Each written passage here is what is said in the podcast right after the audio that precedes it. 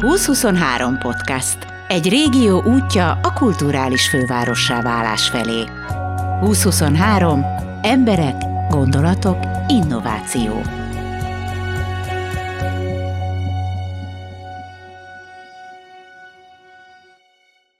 Muraközi Péter. Az ismerőseinek és azoknak, akik azt hiszik, hogy ismerik, Murak. Valahogy úgy alakult az élete, hogy amihez nyúlt, abból lett valami. A nevéhez fűződik Veszprém egyik legfontosabb klubja, az Enyhe Fintor. Ővé az ország legizgalmasabb eredeti fesztiválja, az utcazene. Szerintem fiatalon olyan pultos lehetett, aki nem vizezi a sört. És valószínűleg remek filmszertáros volt. Hú, tényleg voltam, az volt az első munkahelyem a Dimitrovban, ami akkor a megyei művelődési központ volt, az volt az első olyan, olyan nem tudom, állás, ahol, ahol a kultúrával ilyen közelről hivatalosan találkoztam, hogy mondja nagyképpen fogalmazni. Ö, akkor még ugye ez a videó um, gyakorlatilag egy videókölcsönzős volt a, ez, ami, ami történt. Az a különbsége, hogy akkor még intézmények tudtak intézményektől videókat kölcsönözni, hogy a saját műfázukban azokat levetítessék. Tehát mivel akkor még ez a másik rendszerben volt, akkor még kicsit ilyen szempontból más volt a rendszer, tehát intézmények voltak kapcsolatban intézményekkel. De alapvetően ilyen videókazettákat adtunk gyakorlatilag bérbe.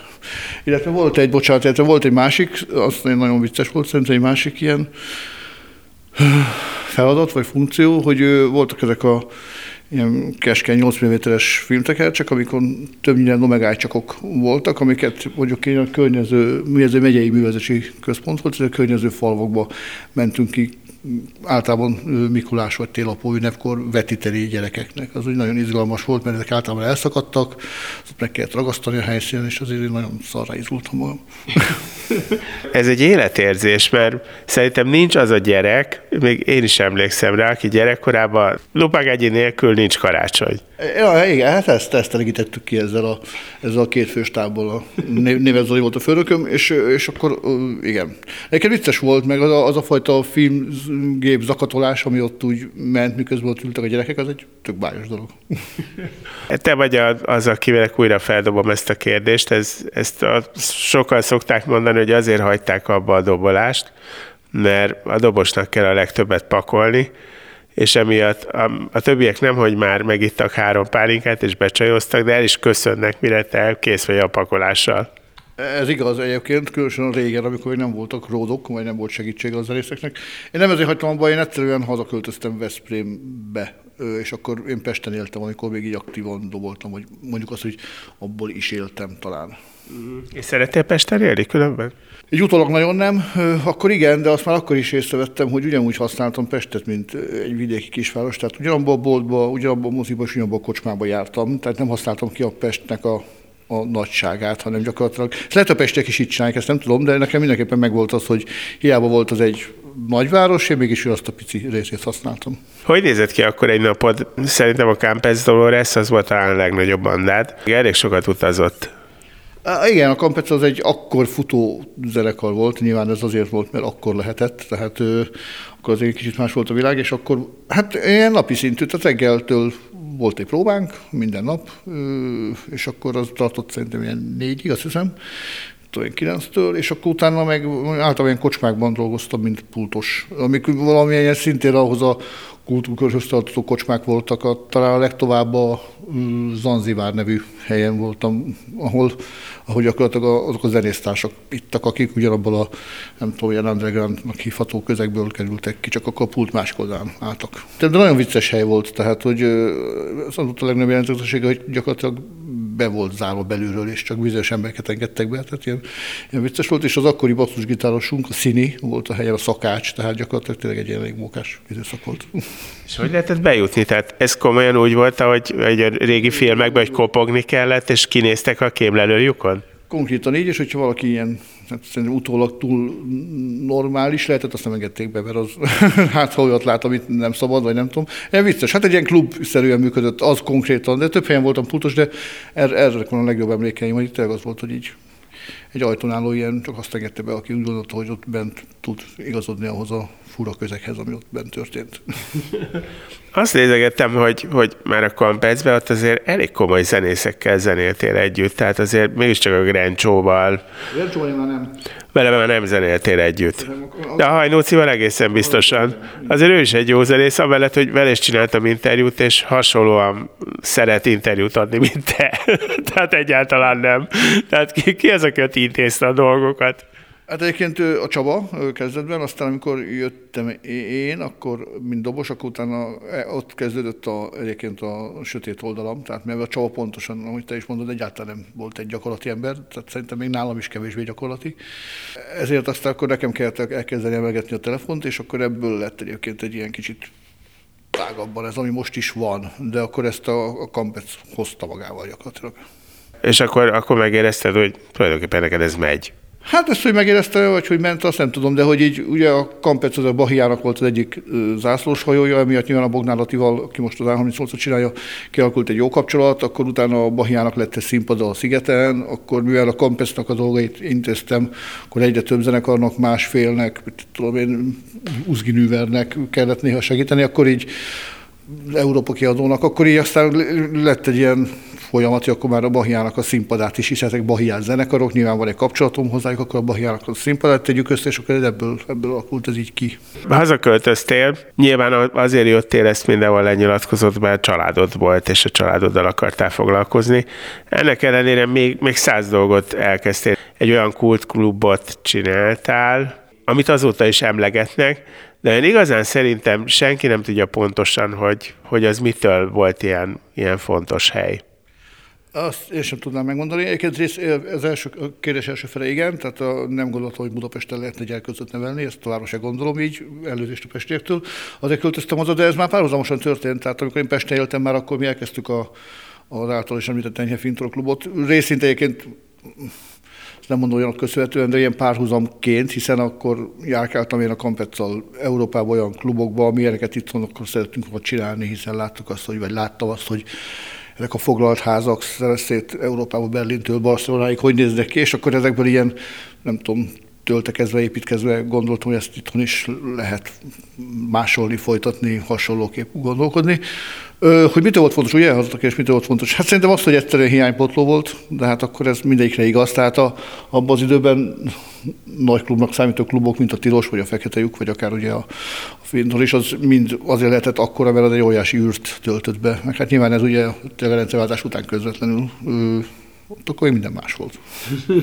ja, igen. Szerintem ezért nekem nyilván volt, tehát nagyon bájos volt és nagyon kószos, ami most már nem tudna megtörténni szerintem, tehát egyszerűen fizikálisan lehetetlen lenne így jogszabályilag, mindenfajta engedélyileg, egyszerűen az emberek hozzáállását tekintve is, hogy ez megtörténjen, de akkor az ott úgy jóka volt jó helyen, és szerintem ezt köszönhette a fontosságát. Tehát ez a klasszikus időatos szóval tényleg közösséget teremtett, ami addig, ez, addig is volt, csak másfajta közösségek voltak talán.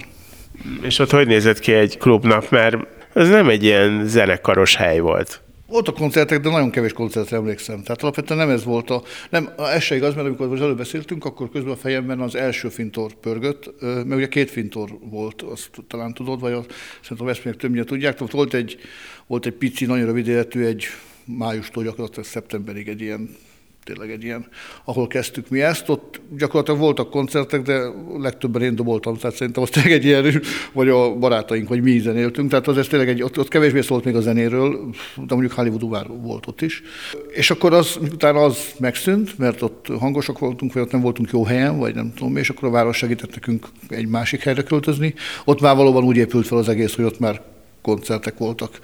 Nagyon jó időszak volt, mert akkor indult a mindenki. Tehát a Quimmitől a Neoig, vagy a nem tudom, Pablo Hani itt vette fel a lemezét, vagy, a, vagy nem vett, itt vette fel, mit próbált rá a lemezére. Tehát az tényleg olyan időszak volt, amikor, emlékszem, amikor először csináltunk Neo koncertet, akkor előtte a Matyiék még nem csináltak sehol, tehát gyakorlatilag így szét kell szedni a szobájában az összedugott, nem tudom, x év alatt összedugdosott szintetizátorait, és szegény próbált itt újraépíteni, mert előtte itt nem csinált. Tehát, hogy ilyen szempontból az elején voltunk mindennek, és emiatt aztán így gyakorlatilag úgy ez történt, mint most, csak kevesebb volt az ilyen hely.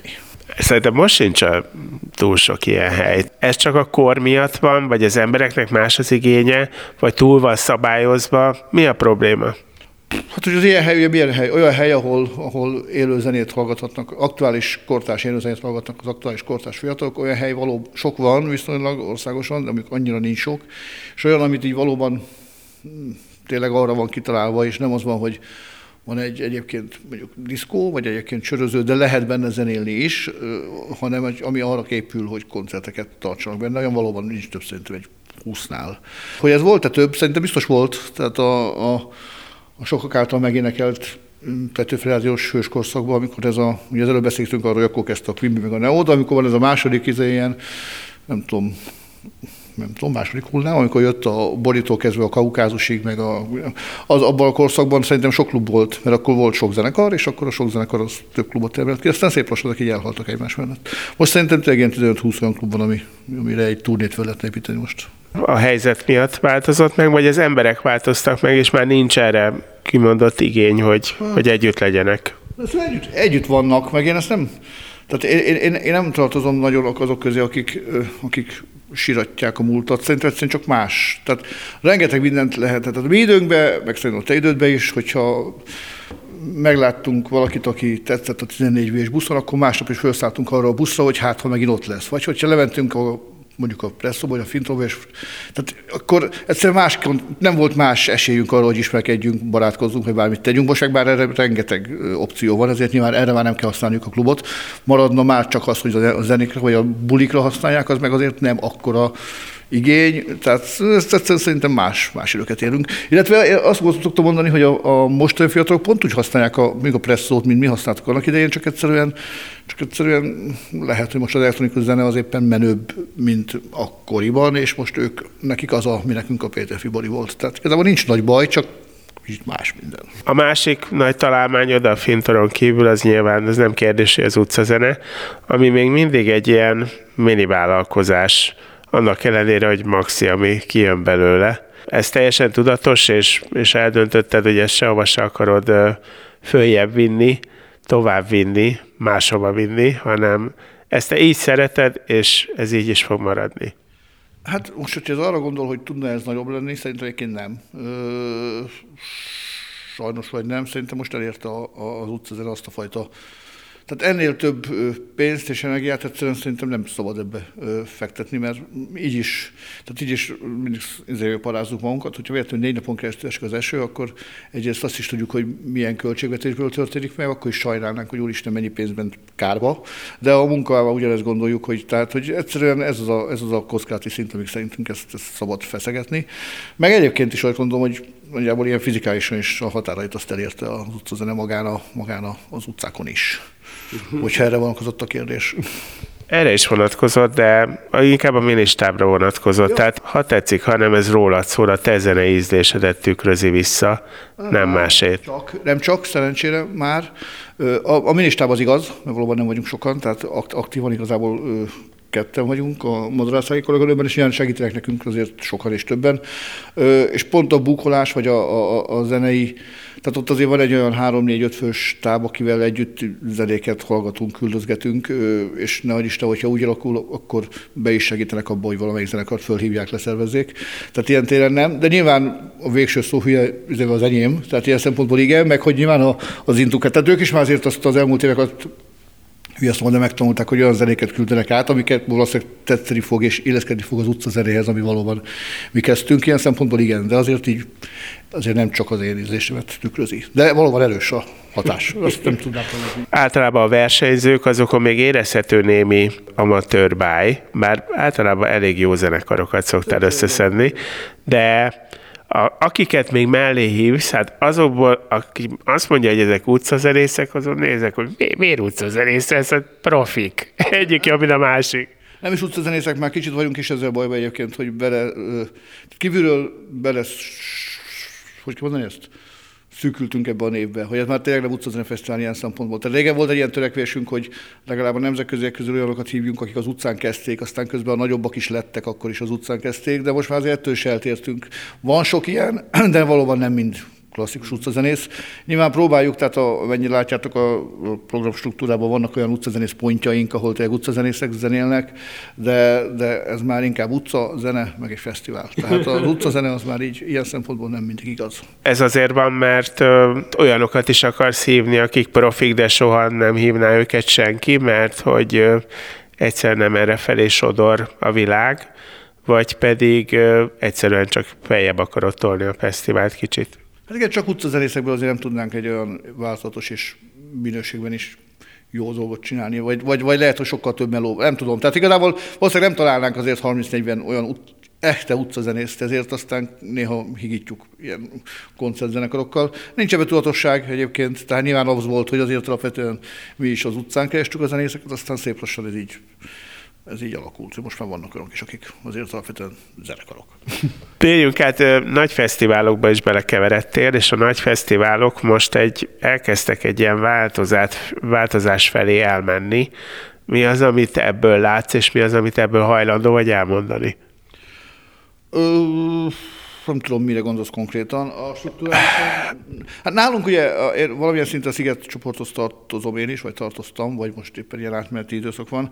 Nyilván mióta ugye a Szigetet az én akkori főnökeim eladták a, egy befektető cégnek, azóta nyilván változnak a dolgok, tehát egyszerűen mi is tehát van egy amerikai tulajdonosunk, kicsit más struktúrában működünk, kicsit más az egésznek a nem tudom, célja, vagy azt nem is tudom a célja más, de minden esetben más az egész, ami összefüggött nyilván a Covid-dal, ezért aztán ez nehéz, nehéz kinek a számlájára írni, hogy volt egy nagy szigestáv, ami most leredukálódott tök pici szigestávról, ami egyébként tök jól jön az amerikaiaknak, hiszen jóval könnyebben és, és olcsóbban működnek, hogy ezt a Covid indukálta-e, vagy egyébként is meglépték volna, ezt nem tudjuk. Tehát ez egy ilyen struktúrás átalakulás mindenképpen, hogy már nem úgy vagyunk szigetesek, mint eddig, hanem nagy Isten ilyen külsős bedolgozóként.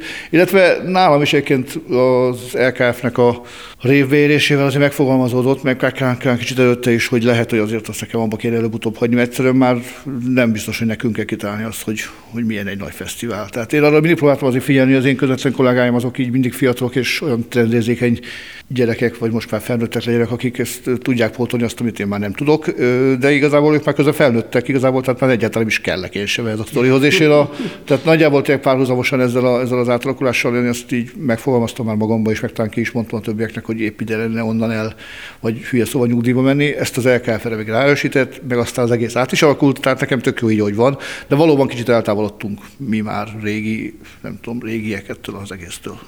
De te ezt már ki is mondtad, tehát kiszálltál?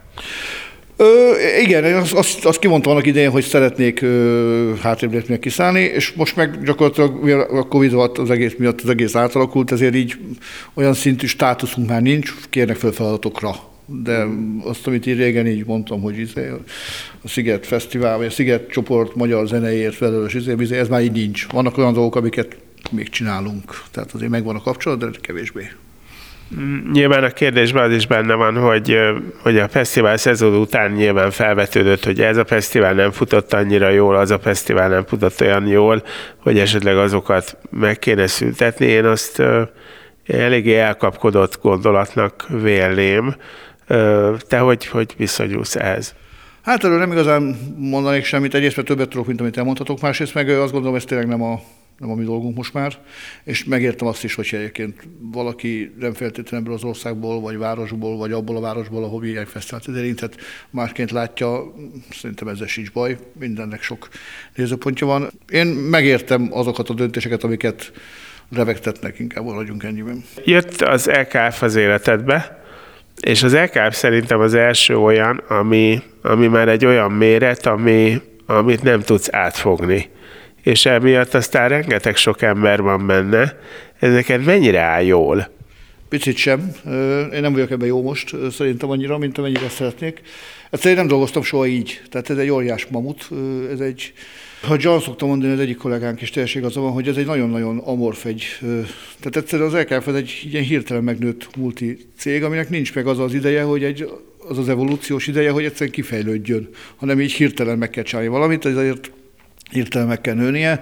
Sok hívát rejt ezáltal magába, és, és nekem sem volt időm nagyjából fölvenni ezt a fonalat, hogy hogyan kell struktúráltabban gondolkozni, figyelemmel tudom lenni talán másokra, mások határidejére, idejére. Én ezt, ezt elég, ebben nem vagyok annyira jó. Én örök életemben egyedül dolgoztam, és ez így de igyekszem felnőni a feladathoz, de semmiképpen nem vagyok benne komfortosan, azért azt úgy, azt ugye elárulhatom. Aztán nem tudom persze, hogy ebből kívülről mi látszik, meg nyilván tehát alapvetően mi azt szoktam mondani, hogy most ezeket úgy mondjuk, hogy nincs baj. Tehát a, tök jó minden, és azon belül, a nincs bajon belül a felső 10% az, amiről beszélek, hogy azért nem feltétlenül ez a, ez a legkomfortosabb x évem.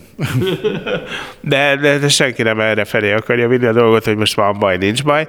Ez inkább rólad szól, hiszen az egész beszélgetés, hogy te hogy vagy ebbe az egész dologban. Így, tehát, hogy alapvetően jól érzem magam, de érzem a, megmutatta a korlátaimat ez a nagy dolog. De amivel tényleg most sincs baj, csak hát ez, ez kicsit tanulnom kell ezt a, nekem is ezt a, ezt a fajta. Hát, hát tényleg csak ennyi a különbség, hogy valaki 30 évig el, úgy van vele, hogy a saját izéjével veri a csalánt, és hogyha dönt, akkor maximum rosszul dönt, és akkor maximum kevesebb nem tudom, tehát ha kevesebb pénze lesz holnap, vagy tehát bukik, akkor bukik, és akkor ő döntött így, ez egy dolog, de amikor ezt így ilyen nem, nem a saját döntéseit, tehát érted, hogy egyrészt érzed a súlyát, hogy nem a saját pénzedről döntesz, érzed a súlyát, hogy nem feltétlenül csak te vagy egy döntésbe, ezek azért így engem így frusztrálnak néha. Tehát én azt szoktam meg, hogy én gondolok valamit, megbeszélem a közvetlen kollégáimmal, vagy társammal, amiből egy van már 20 éve, és akkor nem maximum rosszul döntünk, és akkor mi van? De hogy ez, hogy ez azért ennek így sokkal nagyobb.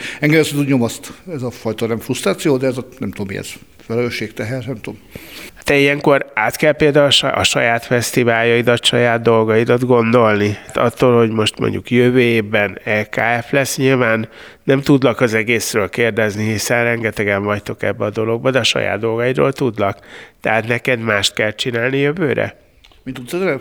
Hát nyilván jó, igen, tehát van egy ilyen, ö, nyilván nem titok, hogy a, a, a Veszprém olyan ikonikus fesztiváljaiban, meg nem is csak Veszprém, akár környékikus fesztiválja, hogy a LKF is van ebből a két évben. Tehát a, emiatt van elvárás a LKF-nek cserébe, tehát nyilván fejlődünk kéne, többet kell csinálnunk, mint amit örelőből csinálunk.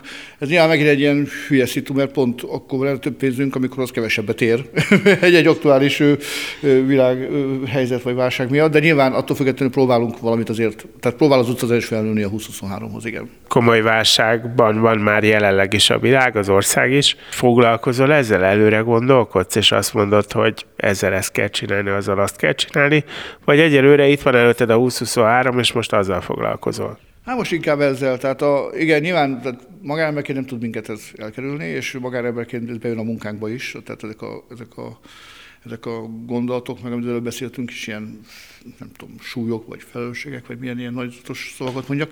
De alapvetően nyilván azt gondolom, hogy vannak sokkal okosabb és nagyobb emberek ahhoz, hogy döntsék, hogy mi a dolgunk, és nekünk mi csináljuk a dolgunkat. Tehát nem az én dolgom ezen gondolkodni, de ettől függetlenül nyilván azért nem, tehát nem tudjuk ezt nem figyelembe venni. És hogy nem veszed nem figyelembe?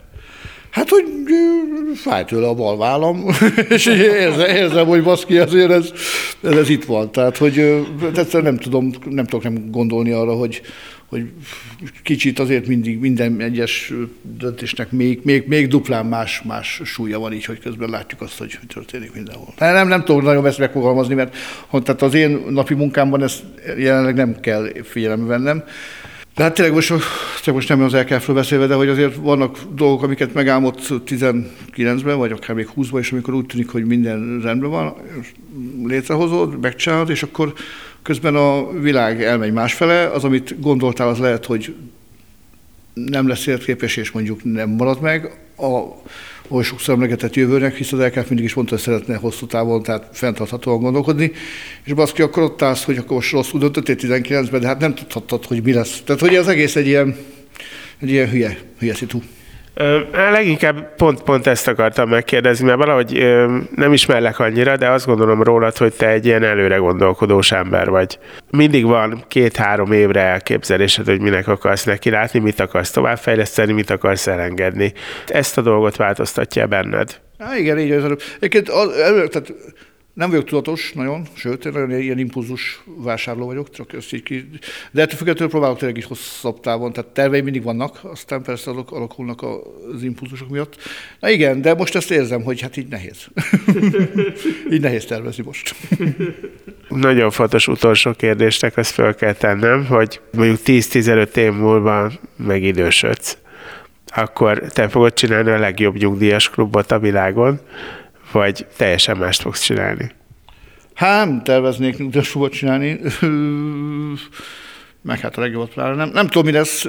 Az milyen régi, régi, tehát hívjuk nyugdíjas klubnak, olyan, olyan álmom, sokszor elmondtam, hogy azért lenne, amikor a smici sapkában egy saját kocsmában állsz a pult mögött, és osztod az észt, az egy nyugdíjas klubként is fel, nem tudom, felfogható vagy tekinthető, de alapvetően azért azt gondolom, hogy nem, hát amit előbb is mondtam, hogy idő után már tényleg nem gondolom azt, hogy mi vagyunk azok, akiknek tudni kell, hogy tehát idősödünk, akkor egyre kevesebben leszünk mi idősek, és akkor már igazából egy tök pici szeret lesz az épélő emberekből, tehát akkor már szerintem nem mi leszünk a fontosak. Nem tudom, mit fog csinálni, de biztos, hogy valami vicceset. Csak ki kell várni. Eltelik még néhány év, és megyünk a murakkal röhögni. Muraközi Pétert és Gellért Gábort hallottátok.